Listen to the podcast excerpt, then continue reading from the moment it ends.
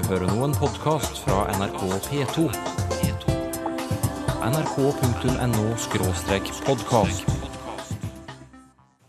I språkåret 2013 skal vi løfte fram det språklige mangfoldet. Men tolererer vi det? At eh, den språklige sjølkjensla til nordlendinger ikke er nødvendigvis er så høy. Og da trykker en på en måte videre ned på de som er lenger ned på et språklig hierarki. Det samiske og det kvenske. Hør også at språket romani vandret i flere hundre år før det fant veien til Norge. Alle de ulike romanispråka i Europa de stammer fra India. Ordforrådet er i hovedsak indisk, og grammatikken er indisk, og lydsystemet er indisk. Se på disse bokstavene her, Sylfest Lomheim. En lytter foreslår å fjerne dem fra alfabetet. Hva syns du? Jo da, det er helt i orden. Vi kan ta ut disse tradisjonelle norske bokstavene. Men hvilke vil du beholde, da? A og B og M og N og P og R og S. Og det er det hele? Ja. Det blir interessant å høre mer om. Det året vi akkurat har gått inn i, 2013, er utropt til nasjonalt språkår, der vi skal løfte fram det språklige mangfoldet i landet vårt. Kulturdepartementet har gitt Nynorsk kultursentrum i oppdrag å administrere prosjektet, og de lover en raus feiring av alt språk i Norge. Målet er også å øke den språklige toleransen. Men er vi særlig rause overfor hverandres språkbruk her til lands? Hvordan står det egentlig til med den språklige toleransen vår? Språkforsker Øystein Vangsnes ved Universitetet i Tromsø, du er medansvarlig for et av hovedarrangementene i språkåret 2013, en konferanse om nettopp språklig mangfold. Og bare så vi har det klart, hva rommer begrepet språklig mangfold i Norge i dag?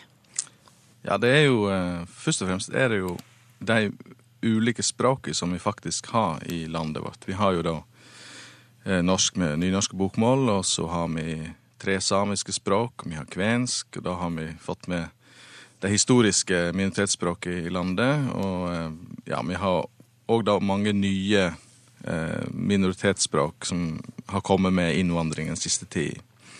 Og så har vi jo òg dialektmangfoldet, som òg er eh, en del av det språklige mangfoldet. da. Altså, Selv om norsk eh, manifesterer seg som to skriftformer, så har man òg en rekke forskjellige dialekter som er til dels eh, langt ifra hverandre. Og hvordan er toleransen vår overfor alt dette språklige mangfoldet, slik du ser det?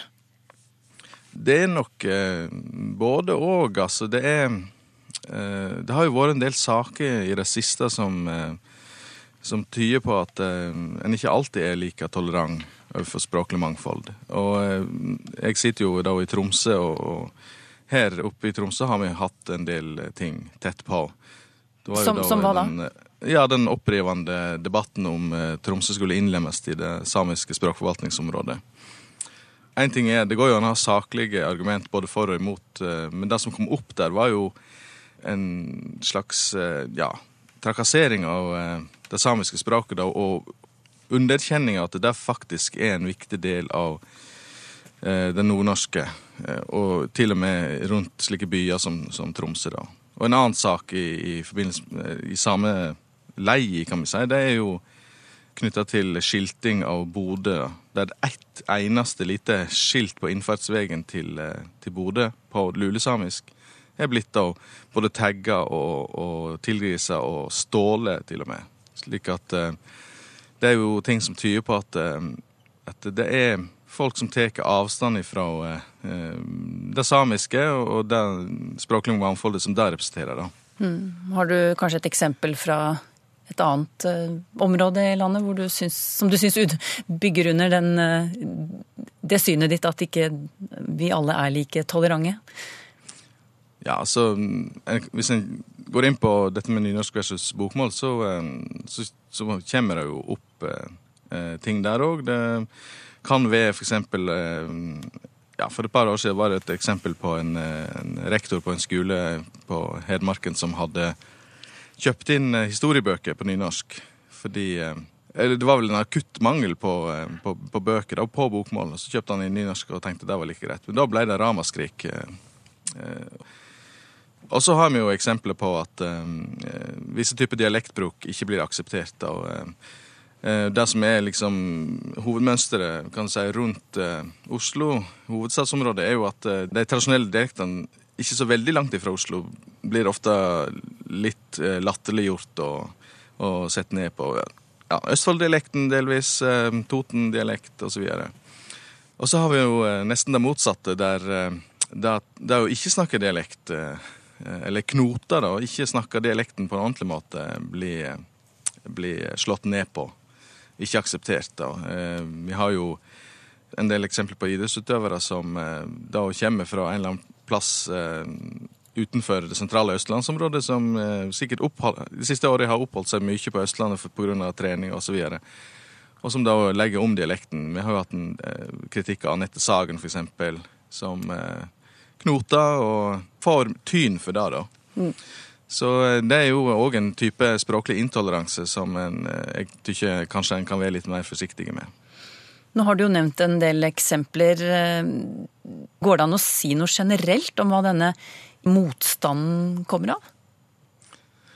Ja, altså Det er nok ulike forklaringer og delvis eh, innfløkte forklaringsmodeller som må settes opp i, i ulike tilfeller. da. Når det gjelder det samiske, så er det nok eh, et veldig sårt eh, felt for mange, fordi en, altså en del av befolkningen har gått gjennom fornorsking, der de har mistet det samiske språket, og, og der en, en eller flere generasjoner har tatt avstand fra det samiske gjennom et trykk fra majoritetssamfunnet. Og så kommer det opp igjen. Altså, det kommer nye generasjoner som vil ta det tilbake. Og da, da blir det veldig eh, komplisert og følsomt. Eh, I tillegg så tror jo jeg at eh, litt av forklaringen har å gjøre med hvordan nordlendinger plasserer seg sjøl i et eh, språklig hierarki. da. Fordi Eh, Det er i hvert fall ikke lenge siden at eh, det å være nordlending ble sett eh, ned på i mer sentrale strøk av landet. da.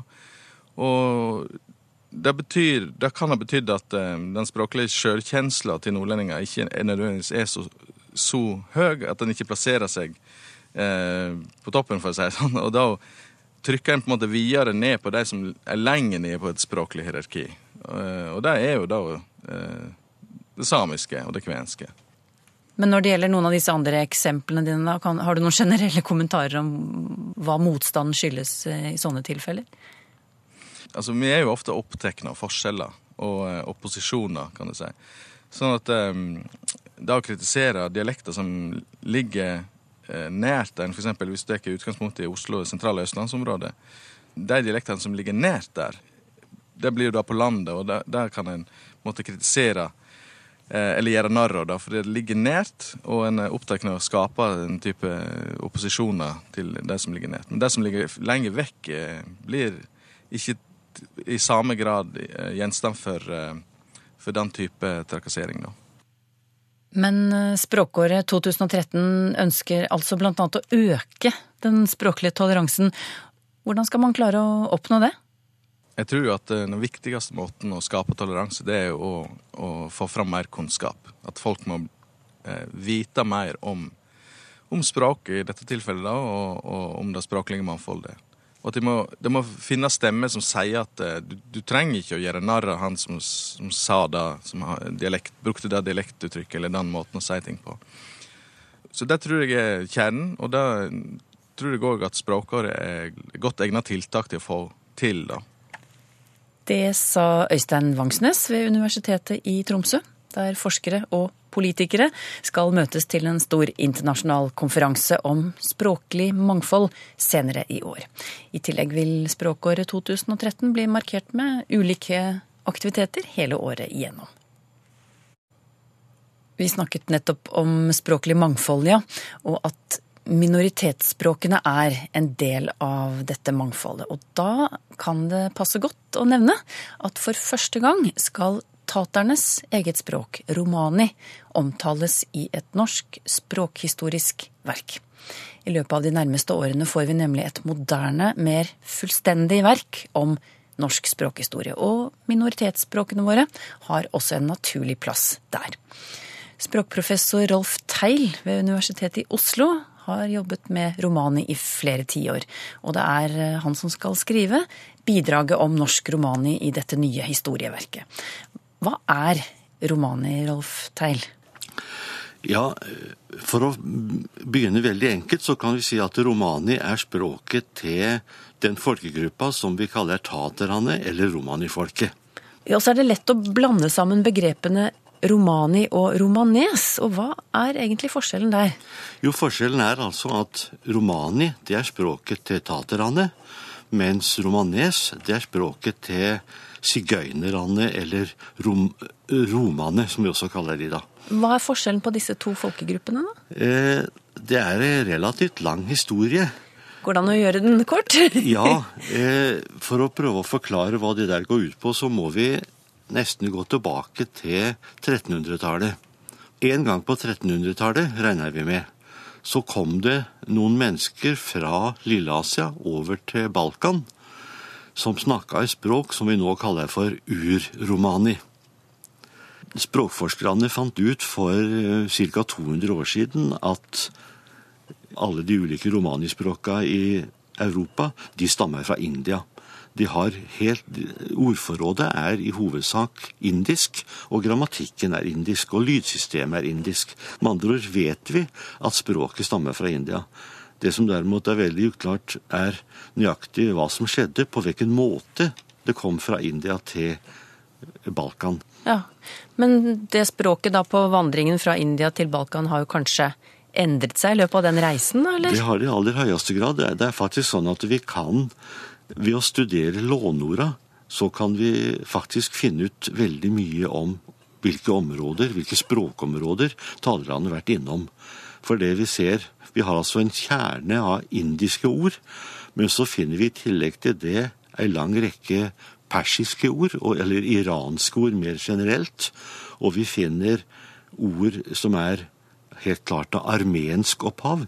Og de har veldig mange greske ord, som de også trolig har fått med seg i Lilleasia. Før de har kommet over til Balkan. Mm. Og de folka som snakka de språket her, de spredde seg i løpet av et par hundre år utover hele Europa. Rundt år 1500 så kom de til Norden. Ja. Og det, ettersom århundra gikk, så, og de da fantes over hele det europeiske kontinentet, så oppsto det etter hvert dialektforskjeller og så store forskjeller at vi kan kanskje begynne å snakke om ulike språk som stammer fra det ur-romani. Ja. Så skjedde det noe på 1860-tallet. Så begynte de som snakka romani i Romania-området, mm. eller Valakia som det også omtalt som, de begynte å spre seg utover Europa. Så vi fikk altså en ny bølge med innvandring, kan vi si, bl.a. Til, Nord til Norden, da, av folk som snakka en eller annen variant av, av de språka som stamma fra uromani. Og det er altså da de folka som vi nå omtaler som sigøynere, som da kom da på, til Norge på ca. 1860-tallet. Og det betyr at det da, et, fra og med da så fikk vi altså to ulike språk i Norge som stamma fra uromani, som altså hadde litt forskjellig historie.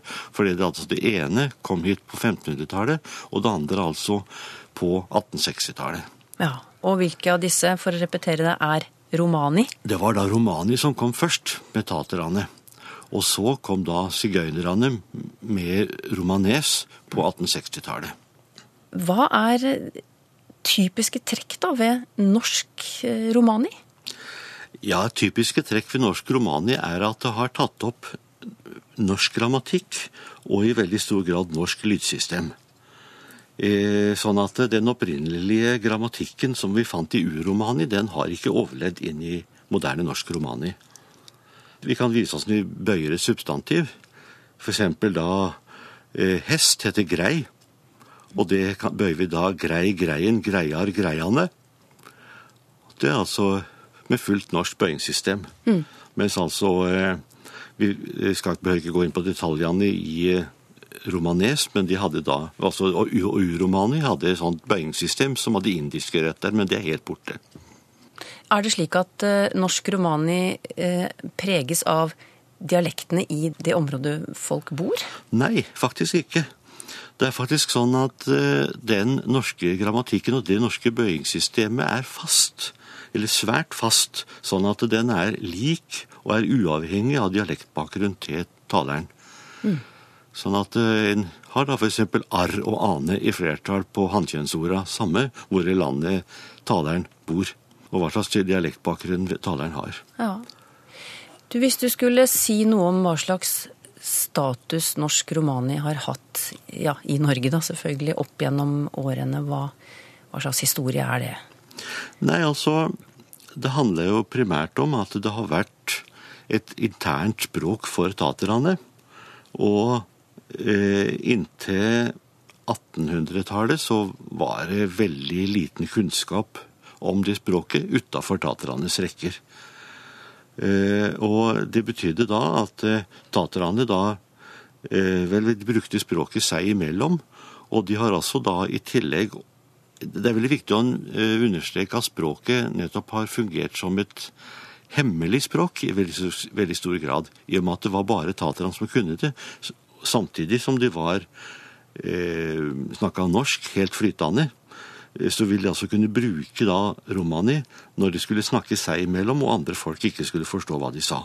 Og det er en veldig viktig del av den historia. Ja. Og en viktig grunn til at språket har overlevd, antageligvis. Hvordan reagerte miljøet rundt eh, når taterne snakket romani sammen, da? De er jo en minoritet og blir oppfatta som et sånt litt fremmed folk. og vi, vi kjenner ikke noe sånt fenomen sånn som f.eks. med samene som ble nekta å bruke språket sitt i skolen, eller, eller sånne fenomener. Altså fordi det er, eh, det er mennesker som på en måte i veldig stor grad har levd litt utafor samfunnet til de etniske nordmennene. Mm. Ved at de ja, tradisjonelt har i liten grad gått på skolen, f.eks. Så de har, de har holdt det her, hatt det her miljøet seg imellom. Og samtidig som det var fullt. De beherska jo norsk full, eh, fullt ut. Men norsk romani, er det også et skriftspråk? Nei, vi kan ikke kalle det et skriftspråk. Naturligvis det har blitt satt på papiret, sånn at det, det forekommer at den skriver det. Og vi har jo skriftlige kilder når det gjelder romani fra begynnelsen av 1800-tallet. Og eh, den eh, norske samfunnsforskeren eh, Eilert Sundt skrev jo ned store mengder av ord fra språket, i, i, men ikke noe sånn standardisert rettskriving. Og det har ikke vært brukt som skri- skriftspråk helt eh, egentlig forstand. Men du holder på å lage en rettskrivningsbok for norsk romani nå. Hva skal den brukes til, da? Ja, nei, altså Samfunnet forandrer seg, og taterne føler også behov for å kunne skrive språket sitt på en entydig og enstarta måte. Eh, nettopp fordi de eh, kan vel si at i visse miljøer så har kunnskapen om romani gått litt tilbake. Eh, Det er ikke alle som behersker det like godt. Og da kan det være greit å lage en del ja, lærebøker, rett og slett, sånn at en kan få fredskapsspråket. Og da må en skrive det, og da må en skrive det på en, på en skikkelig måte. Og som vi nevnte, for første gang skrives romani inn i norsk språkhistorie. Hva vil det få å si, tror du, for norsk romani? Eh, Det er iallfall da anerkjennelsen av at romani er et eh, norsk minoritetsspråk, som det har status som, eh, og som er eh, et av de veletablerte språka i Norge som vi ønsker å ta vare på, og som har allmenn interesse blant språkforskere og ellers i samfunnet. Romani, vel verdt å ta vare på, sa språkprofessor Rolf Teil ved Universitetet i Oslo. Og temaet romani i Norge tar vi opp igjen i Språkteigen om en uke. Lytterne er like vitebegjærlige i år som i fjor, eh, Sylfest eh, Lomheim. Eh, Jan Falk, for eksempel, han spør heter det massiv eller massiv? Hvis man bruker det i sammensetningen fjellmassiv, antar jeg at de fleste vil legge trykk på siste stavelse, skriver han. Hva er korrekt? Ja, når det gjelder fjellmassiv, eh, så vil vi i praksis ikke høre hver trykket ligger, for det ligger jo egentlig på første leddet fjell, og da vil de to andre stavingene bli omtrent likt sterke. Fjellmassiv, ikke fjellmassiv. Vi sier jo ikke det. Så der kan han ikke egentlig høre trykket. Men så massiv eller massiv. Og eh, han eh, Jan Falk sier jo at i, i Tanum i 1974 så blir det ført opp bare massiv som uttale, og eh, Bjarne Bervsen i sin flotte uttaleordbok fra 1969, han fører også opp bare massiv. Og det tilsvarer jo den franske uttalen, vi har det fra fransk, massif.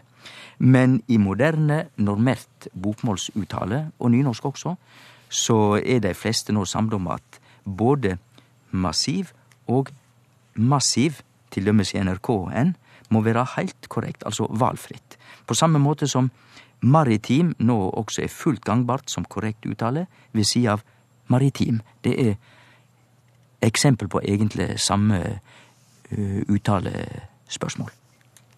På Facebook skriver Leif Karstensen jeg mener å ha forstått at Språkrådet har en liberal holdning til endringer i språket. Er det ikke da på tide å være litt ekstra liberal og fjerne æ, ø og å? Eh, på mange plattformer, og da tenker han vel på digitale plattformer, er æ, ø og å ikke kompatible, f.eks. når det gjelder lagring av filnavn osv. Hva mener du, Sylfus Lomheim? Bør vi ta ut æ, ø og? Bør vi ta det ut av alfabetet vårt? Jeg tror vel at eh, de som lytter på oss enn, ville bli overraska hvis jeg som tidligere språkdirektør sa at jo da, det er helt i orden, vi kan ta ut disse tradisjonelle norske bokstavene. Men jeg må jo legge til at eh, jeg er ikke så langt unna å forstå problemstillinga. Bokstavene æ og ø og å har ikke vi hatt eh, så veldig lenge i norsk. Altså, på gammelnorsk så fanns det jo ikke disse bokstavene i det hele tatt, og det er jo bare tusen år siden. Og når det gjelder bokstaven Å, som står til slutt i alfabetet, så fikk jo ikke vi den i norsk før i 1917, altså denne her bolle-a-en, som danskene kaller det, a med en liten runding over.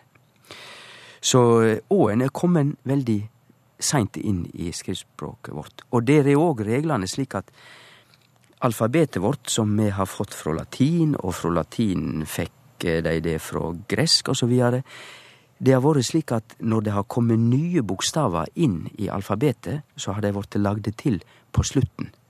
Altså veit vi at de eldste bokstavene, det er A og B og M og N og P og R og S, og det er heilt rett. Disse bokstavene har vært med oss like ifra gresk tid, men æ og ø og å som bokstaver, vil å merke, de ligger på slutten av vårt alfabet. For det er vi som rett og slett har funnet på det her oppe i Skandinavia, og klasker det på på slutten. Lydene, altså lyden æ og lyden ø og lyden å, finnes jo i alle europeiske språk, og de skriver disse lydene da annerledes.